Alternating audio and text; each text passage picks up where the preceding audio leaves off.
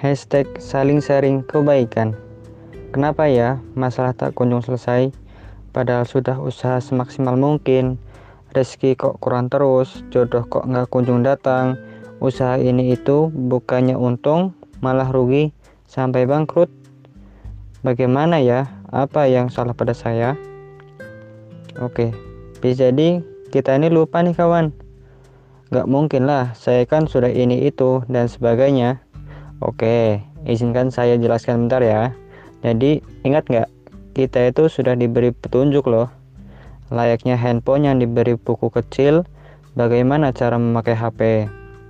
Kayak tidak boleh kena air, bisa multitasking, bisa screenshot, dan lain-lain. Nah, manusia pun ada nih petunjuknya. Apa petunjuknya? yaitu Al-Quran. Al-Quran ini adalah petunjuk kita kawan, di mana petunjuk ini menjelaskan segala sesuatu tentang semua masalah dan solusinya. Pasti kalian bertanya dan gak percaya dan bilang, mosok tenang nih, dibukti nih. Oke. Satu kunci yang pertama adalah Allah telah berfirman pada surah Al-Baqarah ayat kedua, "Dzalikal kitabul la raiba hudalil muttaqin yang artinya kitab Al-Quran ini tidak ada keraguan padanya. Petunjuk bagi mereka yang bertakwa. Buat menguatkan lagi boleh buka bareng nih surat Al-Talak halaman 558 tentang rezeki. Bagaimana agar rezeki kita nambah mudah tinggal tambah takwa selesai. Yuk kita baca bareng. Surah At-Talak pada ayat ketiga di awal ayat. Allah berfirman, Bismillahirrahmanirrahim. Wa yarzuquhu min haitsu la yahtasib.